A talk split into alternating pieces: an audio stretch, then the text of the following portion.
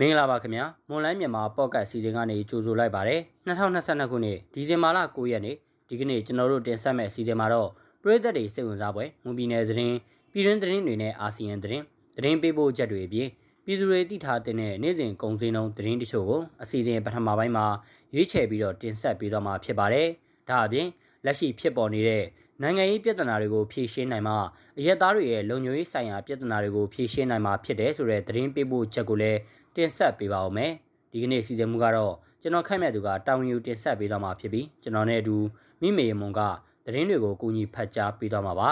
နားဆင်ကြတဲ့ပရိသတ်အားလုံးကိုမင်္ဂလာပါလို့နှုတ်ခွန်းဆက်သပါရစေကျမမိမေမုံကကိုခက်မြတ်သူနဲ့သူကူညီတင်ဆက်ပေးသွားမှာပါ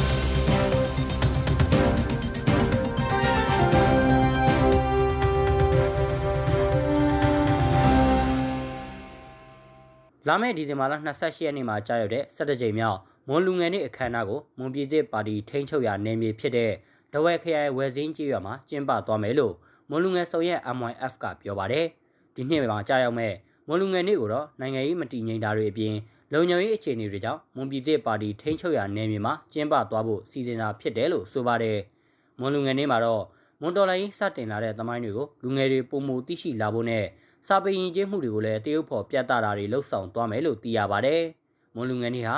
1946ခုနှစ်ဒီဇင်ဘာလ28ရက်နေ့ကမော်လမြိုင်မြို့မှာကျင်းပခဲ့တဲ့မွန်လူငယ်အစည်းအဝေးနေ့ကိုဆွဲပြုပြီး2012ခုနှစ်ကနေစတင်ကျင်းပခဲ့တာဖြစ်ပြီးဒီနှစ်ဆိုရင်တော့17ကြိမ်မြောက်ပြည့်မြောက်တော့မှာဖြစ်ပါတယ်။ မွန်ပြည်နယ်အထက်ပဲခူးတိုင်းအဝင်ညောင်ခါရှည်ရွာအနီးမှာစစ်ဆေးနေတဲ့ X-ray ဆက်စစ်ဆေးရေးဂိတ်ကိုစစ်ကောင်စီဘက်ကဖြေလျှော့မှုအချို့လုပ်လာခဲ့တယ်လို့သိရပါတယ်။ စစ်ကောင်စီရဲ့ညောင်ခါရှည်စစ်ဆေးရေးဂိတ်မှာအရင်ကဘယ်ရင်မဆို X-ray ဆက်ကိုဖျက်တမ်းပြီးမှသာခရီးဆက်လက်ထွက်ခွာခွင့်ပြုခဲ့တာဖြစ်ပါတယ်။လက်ရှိမှာတော့စစ်ကောင်စီဟာစစ်ဆေးမှုတွေကိုပြေလျှော့မှုအနေနဲ့အိမ်စီးကားတွေကို X-ray စထမဖြတ်ခိုင်းတော့ပဲစစ်ကောင်စီတပ်ဖွဲ့ဝင်တွေစစ်ဆေးပြီးသွာလာခွင့်ပြုလာပါတယ်။ အင်စီကားတွေကိုဖြည့်လျှော့ပေးမဲ့ကုန်ကားနဲ့ခီးတဲ့ကားတွေကိုတော့ပုံမှန်အတိုင်းစစ်ဆေးနေတယ်လို့အရင်လိုအချိန်ကြာမြင့်စွာမစောက်ရပေးမဲ့အ ਨੇ ဆုံးတနာရီခွဲဝန်းကျင်တော့စောက်နေရဆဲဖြစ်တယ်လို့ရန်လုပ်ငန်းရှင်တူကပြောပါတယ်ပြည်တွင်း73စီဈေးနှုန်းဟာအခုလအတွင်းဇက်တိုက်ကျဆင်းနေတာကြောင့်စီဆိုင်အများစုကစီလက်ကြံကြောင့်အရှုံးမပေါ်စေဖို့ထိုးရောင်းတာတွေရှိနေတယ်လို့ဈေးကွက်အတွင်းကနေစုံစမ်းသိရှိရပါတယ်။ကမ္ဘာရေနံစိန်ဈေးထိုးကျမှုနဲ့အတူပြည်တွင်း73စီဈေးကလည်း တိတိတသားပြန်လည်ကျဆင်းလာတာလို့သိရပါတယ်။အဲဒီလိုစီဈေးကျဆင်းနေချိန်မှာစီလက်ကြံဖြစ်ပေါ်ရင်ငွေကြေးဆုံးရှုံးမှုတွေဖြစ်ပေါ်စေတဲ့အတွက်ရောင်းအားမြင့်လုပ်နေရတယ်လို့73စီရောင်းဆိုင်တအူးကဆိုပါတယ်။အလက်စား73စီရောင်းဆိုင်တွေကတော့73စီကုမ္ပဏီတွေစီကဝယ်ယူတဲ့ပမာဏကို short ချတာတွေလှုပ်ဆောင်နေရတယ်လို့အဲ့ဒီလုပ်ငန်းလုပ်ကင်နေသူတွေကဆိုပါတယ် ကူညီထောက်ပခွင့်အပိတ်ခံထားရတာ၃လနီးပါးရှိပြီဖြစ်တဲ့ရခိုင်စစ်ရှောင်တွေကိုယခုအချိန်ထိကူညီခွင့်တွေမရကြသေးဘူးလို့ကုလသမဂ္ဂအဖွဲ့အစည်းတွေနဲ့ဒေသတွင်းကူညီရေးအဖွဲ့တွေကပြောကြပါရယ်။အာနာတိုင်းစစ်ကောင်စီဟာဒုက္ခသည်တွေကိုစားနပ်ရိက္ခာနဲ့ငွေကြေးတွေအထူးအကူအညီထောက်ပံ့ပေးနေတဲ့နိုင်ငံတကာကူညီရေးအဖွဲ့တွေကိုပြီးခဲ့တဲ့စက်တင်ဘာလလယ်ကလေးကရခိုင်ကမြို့နယ်6ခုအတွင်းတွားရောက်ခွင့်ပိတ်ပင်ထားတာပါ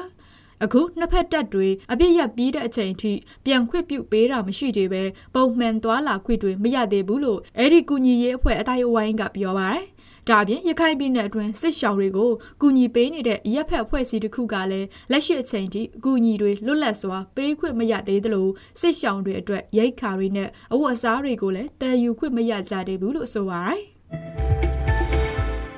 လက်ရှိတာမတ်ကြီးကိုပြန်လည်ခေါ်ယူပြီးရင်အမေရိကန်ဟာမြန်မာနိုင်ငံမှာတာမတ်ထားမရှိတော့ဘဲတန်တမန်ဆက်ဆံရေးကိုအဆင့်လျှော့ချသွားတော့မယ်လို့သိရပါတယ်။အမေရိကန်နိုင်ငံသားရေးဝန်ကြီးဌာနတာဝန်ရှိသူတဦးကိုဂျပန်အခြေစိုက်သတင်းဌာနတစ်ခုကဆက်သွယ်မေးမြန်းရမှာလက်ရှိမြန်မာနိုင်ငံဆိုင်ရာအမေရိကန်တာမတ်ကြီးသောမတ်ဘာဒါကိုနေရာမှာဆက်ခံသူတဦးဆေလွတ်တော့မှာမဟုတ်ကြောင်းအတီးပြုပြောကြားသွားတာဖြစ်ပါတယ်။အရင်ကမြန်မာနိုင်ငံဆိုင်ရာအမေရိကန်တာမတ်တွေဟာ၄နှစ်လောက်ယာရုတက်တန်းတာဝန်ထမ်းဆောင်လေရှိပေမဲ့လည်း ဘာဒါကတော့နှစ်နှစ်မပြည့်ခင်အခုလကုန်ပိုင်းမှာအမေရိကန်ကိုပြန်သွားတော့မယ်လို့သိရပါတယ်။သူဟာမြန်မာနိုင်ငံမှာစစ်တပ်အာဏာသိမ်းမှုမဖြစ်ခင်တလားလောက်လို့2021ခုနှစ်ဇန်နဝါရီလကမှလက်ရှိယာတုကိုရယူခဲ့သူပါ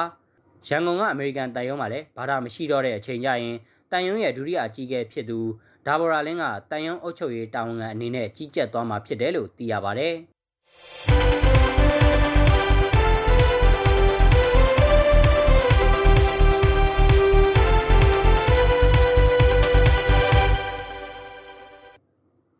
ဆက်လက်ပြီးတော့ပြည်သူတွေတည်ထားတဲ့နေ့စဉ်ကုန်စည်နှုန်းသတင်းတချို့ကိုမော်လမြိုင်ကုန်စည်တန်းကအချက်လက်တွေကိုခြေခံပြီးကျွန်တော်ခန့်မှတ်သူကတင်ဆက်ပေးပါဦးမယ်။ဒီကနေ့ထိုင်းနဲ့မြန်မာငွေလဲနှုန်းကတော့ထိုင်းဘတ်89.9ဝယ်ဈေးရှိပြီးရောင်းဈေးကတော့82.19ရှိနေပါတယ်။ဒေါ်လာဈေးကတော့အမေရိကန်ဒေါ်လာကိုဝယ်ဈေးမြန်မာငွေ2820ရှိပြီးရောင်းဈေးကတော့2840ရှိပါတယ်။ရွှေဈေးနှုန်းကတော့မီလင်း16ပဲရေတစ်ချက်သားကိုရန်ကုန်ရွှေသိန်းဒီကနေ့ဈေးကွက်မှာ23သိန်း14000ရှိနေပြီး အပြင်ပေါက်ဈေး26သိန်းအထက်မှာရှိနေပါတယ်။73စီဈေးတွေကတော့ဒီဇယ်1လီတာကို2180ကျပ်အောက်တိန်92တလီတာကို1885ကျပ်နဲ့95တလီတာကို1980အထိရှိနေပါတယ်။စံစည်းနှုန်းကတော့ကောင်းစားပေါ်ဆန်းမွေးအမြင့်ဆုံးကို61,500ကျပ်အလဲလက်တန်းဆန်မျိုးစာပေါ်ကျွဲတဲ့အနိုင်ဆုံးကို9300ကျပ်နဲ့အမထဆန်တွေကတော့အနိုင်ဆုံးကို4200နဲ့အမြင့်ဆုံးကို4500ကျပ်အထိရှိနေပါတယ်။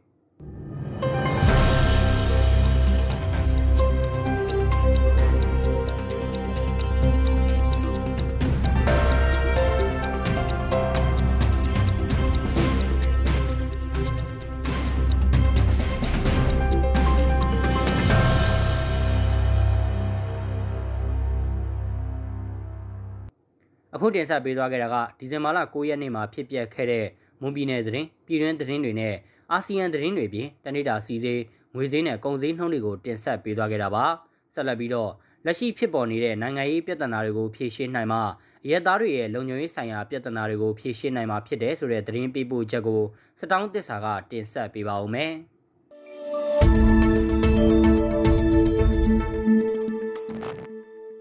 လက်ရှိဖြစ်ပေါ်နေတဲ့နိုင်ငံရေးပြဿနာတွေကိုဖြေရှင်းနိုင်မှ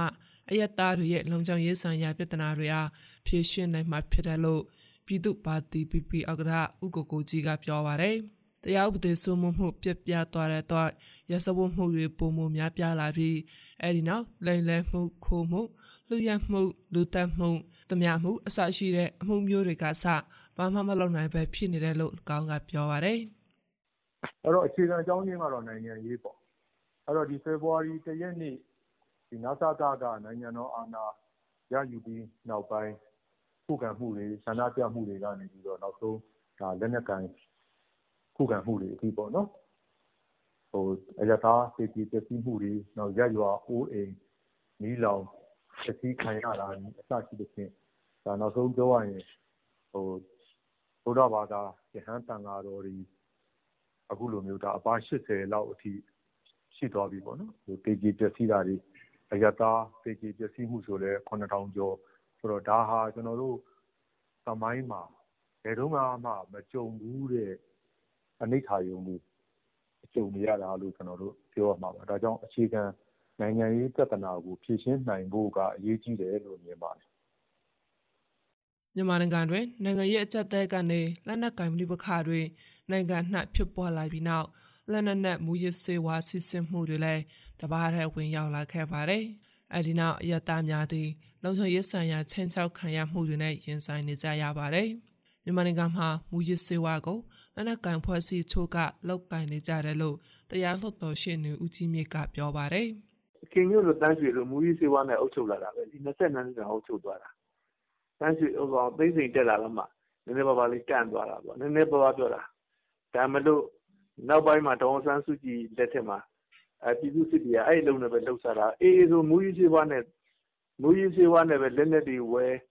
အေးတပ်ကိုထူထောင်တာပဲကွ။နော်။အေအေကိုမူးယစ်ဆေးဝါးနဲ့ထူထောင်တယ်ဆိုတဲ့စွပ်စွဲချက်နဲ့ပတ်သက်ပြီးအေအေကတာဝန်ရှိသူတွေထံဆက်သွယ်မေးမြန်းတော့လဲဖောင်းလက်ခံဖြစ်ကြမှုရှိပါဘူး။လက်ရှိမူးယစ်ဆေးဝါးကြောင့်လူငယ်တွေရဲ့အခြေခံအစစ်စရိုက်တာတွေပျက်စီးလာကြောင်း လူငယ်မျိုးဆက်တွေအတွက်ပြဿနာဖြစ်နေတယ်လို့တင်းနကမဟာဗျူဟာလေးလာရဲ့ဖွာမှဒရိုက်တာဦးသိန်းထွန်းဦးကပြောပါတယ်။ပြောရရင်ကျွန်တော်တို့နိုင်ငံလိုနိုင်ငံမျိုးပေါ့နော်အများအားဟိုပေါ့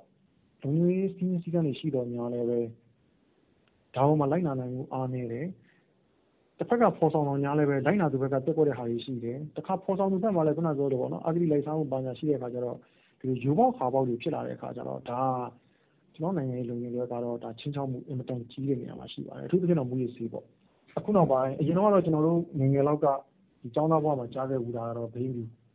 ဒါနံပါတ် 4 ဆိုတာ အမြင်ဆုံးအဆင့်ပေါ့ နောက်ပိုင်း ဒီမှာဒီမူရစီဝါဖြစ်တဲ့ ice လို့ခုနရာဘာလို့ပါပေါ်လာတဲ့အချိန်မှာတော့ ပိုပြီး အဆင့်က မြင့်သွားပြီ တကယ်ကို chemical တွေနဲ့ ထုတ်လုပ်တာ ဘိန်းဆိုရင်မှ သူကသူ့ process က ကျွန်တော်တို့ လေ့လာထားတော့တော်တော်လေးကို ကြာကြာရှည်ရှည်နဲ့ဟို တော်တော်ကြီးဟိုအရင်းကြီးများပြီးတော့အချိန်ယူရတဲ့လုပ်ငန်းတွေပေါ့အဲ့ဆိုပါလို့ဆိုရင်သူကဆယ်ပေပတ်လည်းအခန်းကြီးလေးတစ်ခုနဲ့ CIS လေးရှိလို့ရှိရင်လိုချင်တော့အများကြီးထုတ်နေလို့ရတယ်ပြဿနာအဲ့တော့အဲ့ဒါမျိုးတွေကဘာဖြစ်နေလဲဆိုတော့ဝိစီဝါကြောင့်ပဲကျွန်တော်တို့ဒီလူငယ်တွေရဲ့ဒီအခြေခံအကျင့်စာရိတ္တပျက်စီးခြင်းပဲနောက်ကကျမ်းမာရေးပေါ့ဒီလူငယ်မျိုးဆက်တွေတွေဒါကတော့အဓိကပြဿနာဖြစ်နေတဲ့အပိုင်းပေါ့ 2023ခုနှစ်ဖေဖော်ဝါရီလရက်နေ့ကစစ်တပ်အာဏာသိမ်းပြီးနောက်ပြည်တွင်းမှာလက်နက်နဲ့မူရစ်စေဝါဝင်ရောက်ပြန့်နှံ့မှုများပြားလာတာကတရားဥပဒေစိုးမိုးမှုအားနည်းလာပါတယ်။တရားဥပဒေစိုးမိုးမှုမရှိတာကြောင့်ခုံမှုလူရဲမှုလူဒတ်မှုတများမှုတွေမကြာခဏဖြစ်ပေါ်လာပြီးနောက်အယက်သားပြည်သူတွေရဲ့လှုံ့ဆော်ရေးတွေလည်းချမ်းချောက်ခံလိုက်ရတယ်လို့သိရပါတယ်။ ဒါကြောင့်အယက်သားပြည်သူတွေရဲ့လှုံ့ဆော်ရေးကိုချင်းချောက်လာနေတဲ့လက်နက်နဲ့မူရစ်စေဝါတွေအစမတန်ပြည်တွင်းကိုဝင်ရောက်ပြန့်နှံ့လာနေမှုများကိုသက်ဆိုင်ရာဖွဲ့စည်းတွေကပြန်လည်ထိုင်ထိုင်ပေးဖို့ပြည်သူများကတောင်းဆိုနေကြပါတယ်ရှင်။ကျမတို့ရေမလန်းမြန်မာပေါ့ကတ်အစီအစဉ်တိမာတင်ပြီးဆုံးပါပြီ။နားဆင်ကြတဲ့ပရိသတ်အားလုံးကိုနောက်နေ့အစီအစဉ်တွေမှာဆက်လက်အားပေးကြပါအောင်လို့ဖိတ်ခေါ်ရင်းအစီအစဉ်ကိုအဆုံးသတ်ပါရစေ။အားလုံးကိုကျေးဇူးတင်ပါတယ်ရှင်။